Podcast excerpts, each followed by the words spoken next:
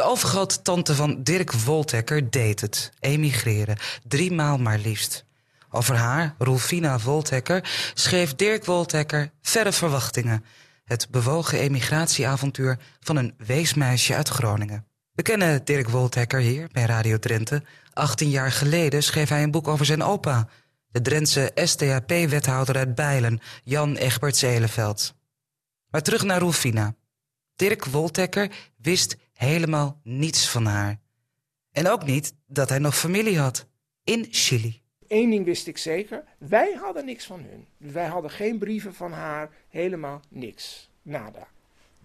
Dus, nou ja, zodoende is eigenlijk dat plan ontstaan om dan maar zullen we zeggen, haar emigratie in zekere zin een beetje over te doen. En dus niet met de boot te gaan natuurlijk, maar wel naar de plekken te reizen waar zij allemaal naartoe is gegaan. Rolfina was een weeskind uit Groningen en ze groeide daarop in het Rode Weeshuis. Op haar 21ste verliet ze dat weeshuis met een flink bedrag. En dat geld besteedde ze voor het grootste deel aan haar emigratie.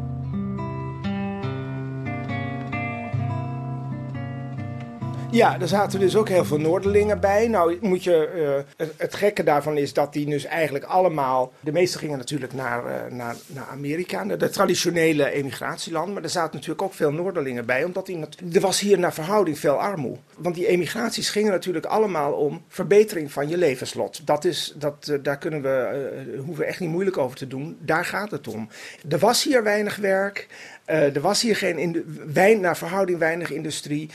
Mensen hadden armoede op het platteland. Dus veel mensen dachten uit het noorden. Uh, en ook wel mensen uit stedelijke gebieden hoor. Waar, waar, het om ging van hoe armer de mensen waren, hoe groter het idee, hoe gemakkelijker het idee kon ontstaan van nou, we gaan eens kijken over de grens of we het misschien daar beter kunnen krijgen. Dat speelde zich natuurlijk in Groningen, in Drenthe. Ook bijvoorbeeld de, de Drentse en Assen Courant. Die heeft daar ook veel over, uh, over gepubliceerd. Bijvoorbeeld die landen die, die zetten ook voortdurend advertenties in, de krant, in Nederlandse kranten, maar ook wel in de Drentse Courant. Uh, ook, van, waarin dus eigenlijk werd, een soort van reclame werd gemaakt voor jongens, kom naar ons toe. Want bij ons is het land, is het leven veel beter dan hier.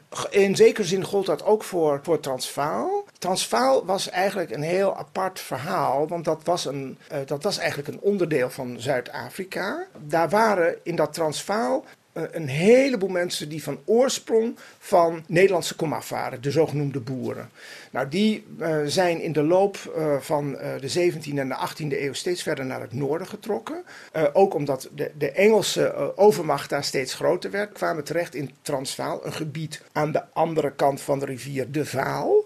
Daarom heet het Transvaal. Die kwamen daar terecht en hebben daar een eigen boerenstaat gesticht. Daar hadden de Engelsen, die in dat hele grote gebied daaromheen woonden, eigenlijk heel weinig trek in. Want ja, Transvaal was een gebied vol met goud en diamanten, dus het was ook nog een heel rijk gebied. Die Nederlanders, die, die, of die, die, die boeren die daar terecht kwamen, die stichten daar hun eigen staat, maar dat was best een onhandig gebied. Want ja, dat was, er woonden daar alleen maar weliswaar mensen die van lang geleden ooit eens een keer uit Nederland waren gekomen. Maar verder woonde er vooral inheem, inheemse bevolking, veel zwarte. Dus het idee was, we moeten zorgen dat dit, dat ging om de, om, om, om de republiek van, uh, van Kruger, van Paul Kruger. Dus het idee was, we gaan hier een nieuwe staat stichten. Daar is een oorlog om gevoerd met de Engelsen. Die oorlog is in eerste instantie gewonnen door de boeren. Dus zij hadden daar een eigen staat. Maar wat hadden ze niet? Ze hadden te weinig mensen. Ze hadden geen infrastructuur. Ze hadden geen haven, want het was een binnenstaat. Op een gegeven moment ontstond het idee van, nou ja, wij zijn toch van Nederlandse komaf eigenlijk. Laten we zorgen dat we contacten leggen met Nederland en kijken wat Nederland als broedervolk, wat Nederland voor ons kan doen en of we kunnen samenwerken in het opzetten van zo'n land, van dit hele land. Nou, dat is gebeurd, onder meer om, er is samengewerkt met de Portugezen om toegang te krijgen tot een haven, want dat was toen nog, dat was wat nu de haven van Maputo is. Dat was toen de haven van Lorenzo Marquez. En er moest op een of andere manier moest er een infrastructuur komen in dat land. Dus er is een samenwerking gekomen met een Nederlandse. Er is een, een, zeggen, een joint venture in het leven geroepen bestaande uit Nederlandse investeerders en de Zuid-Afrikaanse regering. Die hebben gezamenlijk de zogenoemde Nederlandse Zuid-Afrikaanse spoorwegmaatschappij in het leven geroepen. En het doel was spoorwegen aanleggen in Zuid-Afrika. En daar, daar gingen voornamelijk Nederlandse mannen naartoe om die spoorwegen daar allemaal te bouwen en te onderhouden. En, en Rufina's man ging daar naartoe. Ze trouwde in Groningen met de handschoen, met de man die ze, met deze man, die daar dus toen al was. Die man die was er in 1895 naartoe gegaan. Zij kende hem een heel klein beetje. Ik denk dat ze hem één of twee keer had gezien. Maar ze heeft volgens haar kleindochter voornamelijk een soort van briefcontact gehad met deze Thomas. En dat heeft zo'n twee jaar geduurd. En toen was het kennelijk toch de tijd rijp om ook maar te gaan. Dus toen is ze met de handschoen getrouwd met deze man. En is daarna vervolgens op er eentje, in een eenpersoons, met wat ik noem in mijn boek een eenpersoons huwelijksreis, is ze met de boot naar Kaapstad gegaan en daarna terug omhoog naar Lorenzo Marquez. En uh, vanaf daar met de trein naar Pretoria. En daar ontmoeten zij dus voor het eerst. Maar in ieder geval voor het eerst sinds lange tijd. ontmoeten zij daar de man met wie ze de rest van haar leven, haar leven zou delen. Want ze zou meer dan 50 jaar met hem blijven. In 1897 komt zij in uh, Transvaal aan. Dus dan is zij 25 en die man is dan iets van 28. Die is een paar jaar ouder. Het was bedoeld natuurlijk voor altijd. Maar ja, dat Transvaal dat bleef ondertussen voor de Engelsen een uiterst aantrekkelijk gebied om ook nog in te pikken. Omdat natuurlijk die goud- en diamantvoorraden en dat hele Johannesburg, wat daar midden in dat Transvaal ligt, nog steeds, ja, dat bestaat vanwege de goudfondsen. Dat heeft, geen, dat heeft geen andere bestaansrecht, had dat in het begin, dan de enorme hoeveelheid mensen die allemaal op dat, op de, op dat goud en diamant uh, afkwamen. Dus dat hele gebied bleef aantrekkelijk voor, voor de Engelsen. Dus daar ontstond toch steeds meer druk om aan de kant van de Engelsen om toch te proberen dat gebied opnieuw uh, uh, aan zich te onderwerpen. Nou ja, dat gebeurde eigenlijk nog maar twee jaar nadat, nadat Rufina daar was aangekomen. Brak, er een, brak de zogenoemde Tweede Oorlog uit, wat nu ook wel de Zuid-Afrikaanse Oorlog wordt uh, genoemd. Het leek er al heel snel op dat de Engelsen dit keer aan het langste eind zouden trekken. En dat gebeurde ook, want op een gegeven moment was. Zij woonde midden in, in, midden in Pretoria, in het, in het stationskwartier, waar al die Nederlanders bij elkaar uh, woonden. Wat nog steeds, wat nu een groot braakliggend gebied, wat nu een soort sloppenwijk ook is, wat nog, maar eigenlijk nog steeds een emigrantengebied is, want er wonen nu hele andere immigranten, namelijk arme Zimbabweanen en allerlei andere mensen, vluchtelingen uit Sub-Sahara, die wonen nu in dat, in precies in, dat gebied waar uh, uh, 120 jaar geleden al die Nederlandse spoorwegarbeiders uh, woonden. Dus ja, al heel snel bleek van ja, zeker na het bombardement op Pretoria was het al snel heel duidelijk dat de boeren ditmaal het, de, hele, de hele oorlog zouden verliezen. En dat zou dus ook gebeuren. En toen bleek dus dat zij eigenlijk daar helemaal niet meer konden blijven. Niet alleen zij niet, al die Nederlandse spoorwegarbeiders, die moesten daar allemaal weg. Dus uh, van de ene op de andere dag uh, zag zij zich genoodzaakt, inmiddels zwanger, hoogzwanger, werden ze de boten ingejaagd en was zij eigenlijk bootvluchteling avant la lettre. Zij vertrok als migrant maar werd vluchteling. Want zij kwam terug als oorlogsvluchteling. Werd, ze werd een boot opgejaagd en ze moest maken dat ze wegkwam. Dat waren vier boten, die brachten al die spoorwegarbeiders in één keer terug naar de eerste beste Nederlandse haven die zich aandiende. Dat was Vlissingen. Dus we gingen ook geen, geen, geen meter verder dan Vlissingen. En toen, uh, toen stond ze weer op de keien. Die boten, daar zaten dus ook allemaal verslaggevers natuurlijk op. Dus die correspondenten, die deden vanuit live, vanaf die boot, deden ze verslag voor hun krantje. Hoe vies het, hoe, hoe vies het eten was, hoe slecht het leven aan boord was. Dat, dus dat, op die manier kwam er best een waarheidsgetrouw verslag in vrijwel alle Nederlandse kranten. Men, schreef wel brieven naar het thuisfront, maar heel veel mensen in het thuisfront hadden helemaal geen postadres of wat dan ook. Dus wat heel veel gebeurde, is dat migranten die stuurden een brief die bedoeld was voor het thuisfront, stuurden ze naar de krant. Eh, naar de krant die verscheen in de, in de omgeving van waar de familie woonde. En die krant die publiceerde dan vervolgens die brief in de krant. En die was dan dus niet meer alleen voor de familie, maar voor alle lezers. Dus zo kreeg je best een behoorlijk waarheidsgetrouw beeld, denk ik, van wat er daar, hoe dat, daar, dat leven daar aan boord was. Ja, dat was geen feest. Je had drie klassen aan boord. De, overigens ook niet altijd, hè, want je had specifieke migrantenboten. Ja, die waren dus alleen maar voor, voor armzalige migranten. Die waren dan gecharterd voor migranten. Nou, en dan, dan, was ik, dan, dan, dan was er maar één klasse. Dat was de derde klasse. Dat was allemaal slecht. Deze boten die uit Zuid-Afrika kwamen, die waren speciaal gecharterd voor, eh, door de Britse regering om Nederlandse boeren, migranten terug te vervoeren naar Nederland. Nou, dus dat, dat, dat, was geen, dat was niet de eerste, tweede, derde klas. Dat was alleen maar derde klas en alleen maar slecht. Dus het was uh, of slapen in het ruim of slapen op het dek. En eten, uh, qua eten was er alleen porridge. En verder was, was het iets wat leek op Guinness-achtige rommel. Tenminste, zo wordt dat omschreven door, uh, door, door journalisten die aan boord waren. ja, en dan hebben we het nog niet eens over het zuipen, de, de, allemaal, allemaal dat soort dingen wat er gebeurt. Zuipen, gokken, vechtpartijen, dat gebeurde dus allemaal op dat soort boten.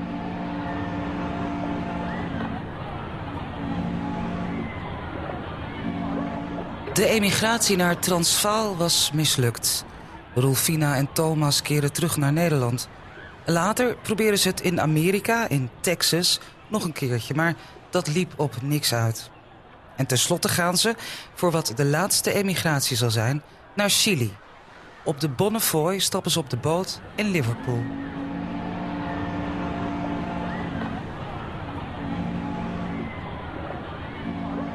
Dat Liverpool, dat was rond die jaren, was dat de allergrootste migrantenstad ter wereld. Dat kon je gewoon helemaal niet voorstellen. Maar als ik het je vertel, kan je het weer wel begrijpen. Want het, iedereen die uit Europa ging emigreren, verzamelde zich in Liverpool. Daar vertrok iedereen. En dat was op zich begrijpelijk, want er waren ontzettend veel Ieren, die arme Ieren, die gingen allemaal ook emigreren. Die reisden dan, die reisden eerst een stukje terug naar Liverpool. Alle Noord-Europeanen, die reisden ook naar Liverpool. Die namen een stukje boot naar Hull. En dan was er een spoorlijntje van Hull naar Liverpool. En iedereen verzamelde zich dan in, uh, in Liverpool. En dat was dus echt een, enorme, grote mensenmassa's, allemaal emigranten, die, die naar alle windrichtingen gaan. En Rolfina is dus ook vanuit Liverpool uh, vertrokken. Maar daar vertrok ze dus niet met zo'n emigrantenboot, want zij vertrok gewoon zomaar. Dus dan kom je niet op een emigrantenboot, dan kom je dus op een gewone lijnboot terecht. Kijk, het, ook dat is weer een, een, moment waarvan je denkt: hé, hey, dat, dat lijkt wel op migranten van deze tijd. Hè? Die gaan ook, ja, mensen proberen wat. Je gaat echt niet uh, afwachten totdat je eens wordt uitgenodigd. Als je iets wil, dan ga je. Dus dat was natuurlijk best heel moedig. Maar er zat, waarschijnlijk zat er ook een uh, zekere druk achter. Want aanvankelijk uh, heel, de meeste immigranten naar Chili ergens in het voorjaar van 1903 vertrokken. En zij niet. Daar, daar, waren heel veel boeren uit Transvaal bij, maar er waren ook heel veel Nederlanders bij die helemaal nooit boer waren geweest en ook nooit waren in Transvaal. Maar die, die konden mooi met die boeren meezeilen.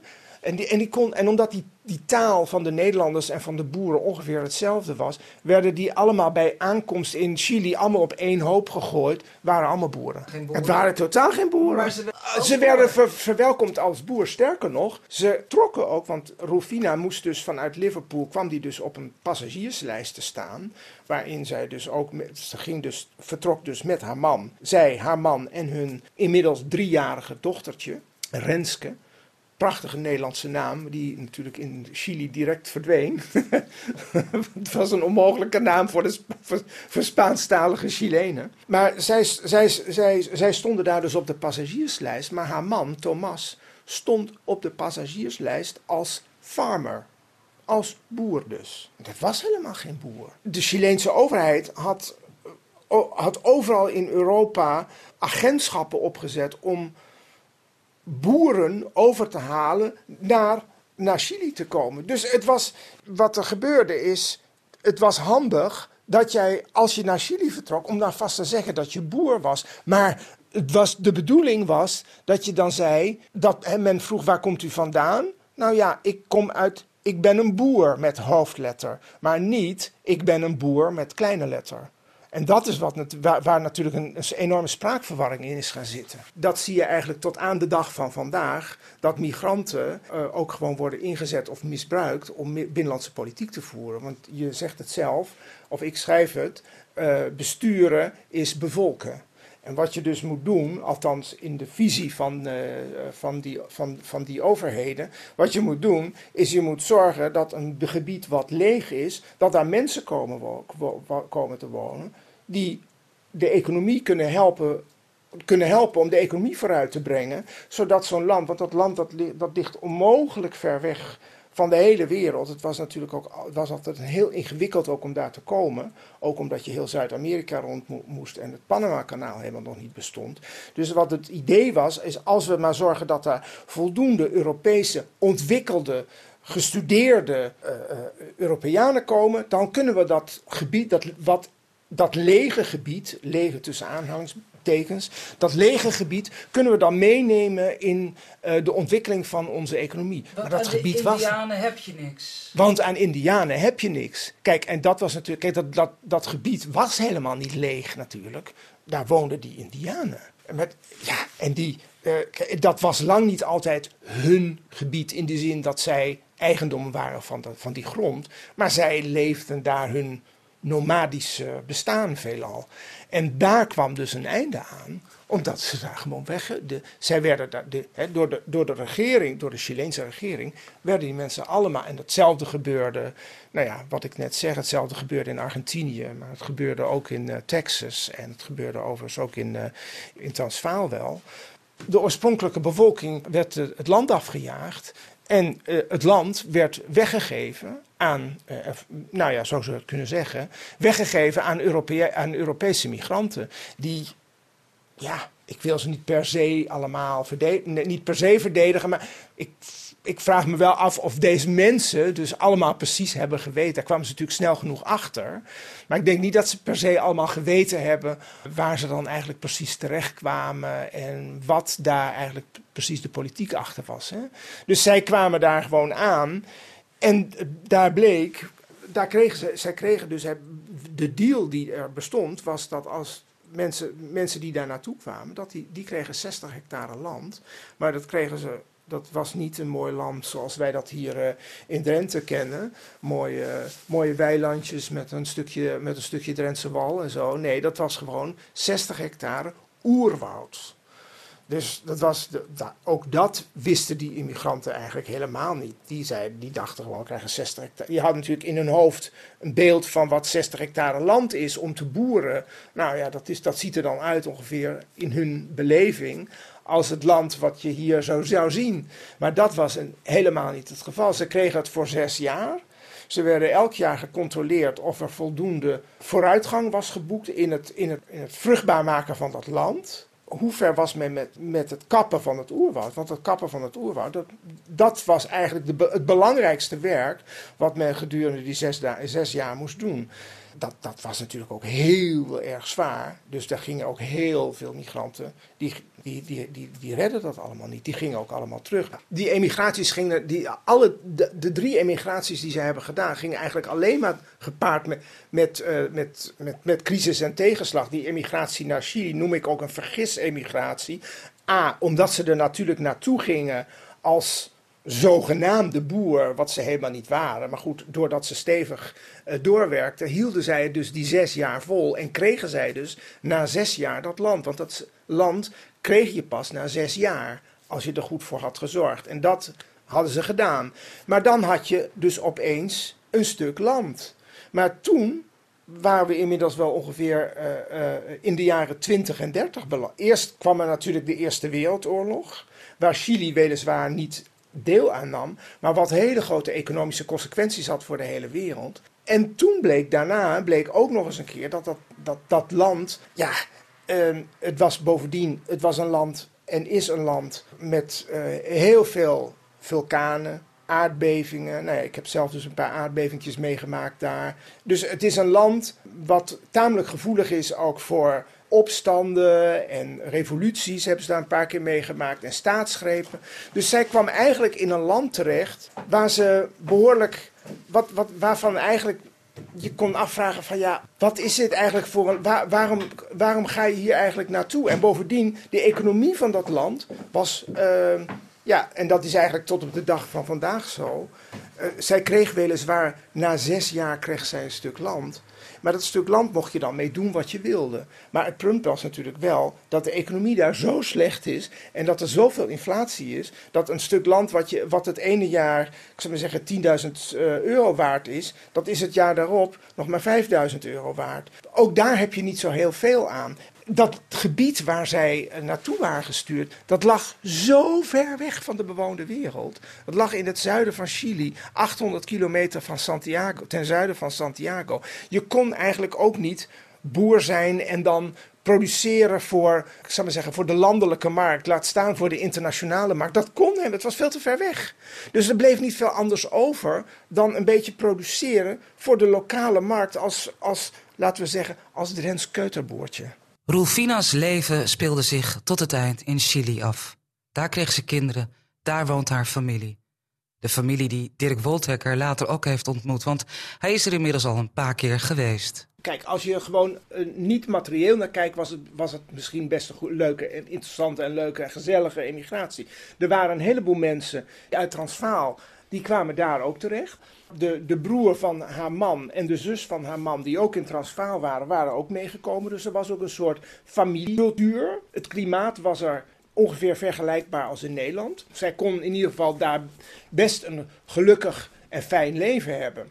Maar zij ging natuurlijk, zij, is veel armer doodgegaan als dat ze heen ging. Kijk maar naar de, laatste, de foto op de laatste pagina. We zien daar niet speciaal een hele rijke vrouw afgebeeld die daar in, de, in, in het venster staat. Maar ik zeg ook, ik denk niet dat ze daar ongelukkig was. Maar ze, had wel, ze heeft wel duidelijk iemand die een heel zwaar leven heeft gehad. Dat, dat zie ik eraan af. Maar niet ongelukkig. Dat is ook niet eh, de, de term die ik dus uit Chili heb opgevangen. Dat de oma daar zo ongelukkig was of zo. Maar ze moest het natuurlijk voor de rest van haar leven altijd doen. Alleen maar met dat wat ze daar had. Want haar eigen familie hier, die, had, die heeft ze nooit meer gezien. Maar goed, dus ik maak, ik maak ook een beetje een vergelijking met hoe haar familie in Nederland het eraf bracht en hoe zij het eraf van afbracht. In ieder geval in materieel opzicht. Maar als je het vergelijkt met alle andere mensen die in, in die tijd op het land werkten, in een fabriek werkte, dan was dit ongeveer het leven wat je te wachten stond. Hè? Zij ging heen als, als dochter van een middenstander, zal ik maar zeggen. Ja, en ze, ze stierf als een beetje toch een beetje een arme Chileense boerenvrouw. Kijk, ze had misschien niet zo heel veel geld, maar en, weet je, ze was daar natuurlijk met, ze was daar met haar kleine familietje. Ze had daar in het, eh, ondertussen had ze natuurlijk haar kinderen daar ze heeft niet veel van dat land ooit gezien. Uh, ik, bedoel, ik heb begrepen dat ze in Santiago, wat natuurlijk toch gewoon de hoofdstad van haar nieuwe vaderland werd. Ja, daar is zij nooit geweest. Ze is altijd geweest in dat, dat kleine gebiedje waar die kolonie waar zij uh, terecht kwam, die nog altijd bestaat, 40 kilometer ten zuiden van Temuco. En Temuco is dé indianenhoofdstad van, van Chili. Dus daar, en daar is zij gewoon altijd gebleven tussen haar Nederlandse mede-emigranten en uh, met een heleboel Indianen die daar ook in de buurt rondzwierven.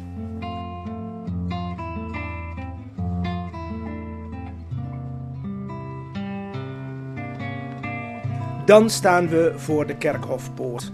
Samen met Kokkie loop ik de begraafplaats op. We struikelen bijkans over de Nederlandse doden. Het kerkhof ligt er vol mee. We zien de zerken van de families Van Dijk, Hagedoorn, Jans, Jonge Neel, Keuter, Klaasens, Kroon, Lauwerens, Michelbrink, Scherpenisse en nog veel meer. Leclerc, Vliegend Hart en ja, ook Wolthekker. Ik sta oog in oog met mijn eigen geschiedenis. Hier ligt Roelfina. Hier ligt onze familiegeschiedenis. De verloren zus van onze overgrootvader Dirk is terecht. Hier heeft zij gewacht totdat er ooit nog eens iemand van ons zou komen. Ze heeft niet voor niets gewacht.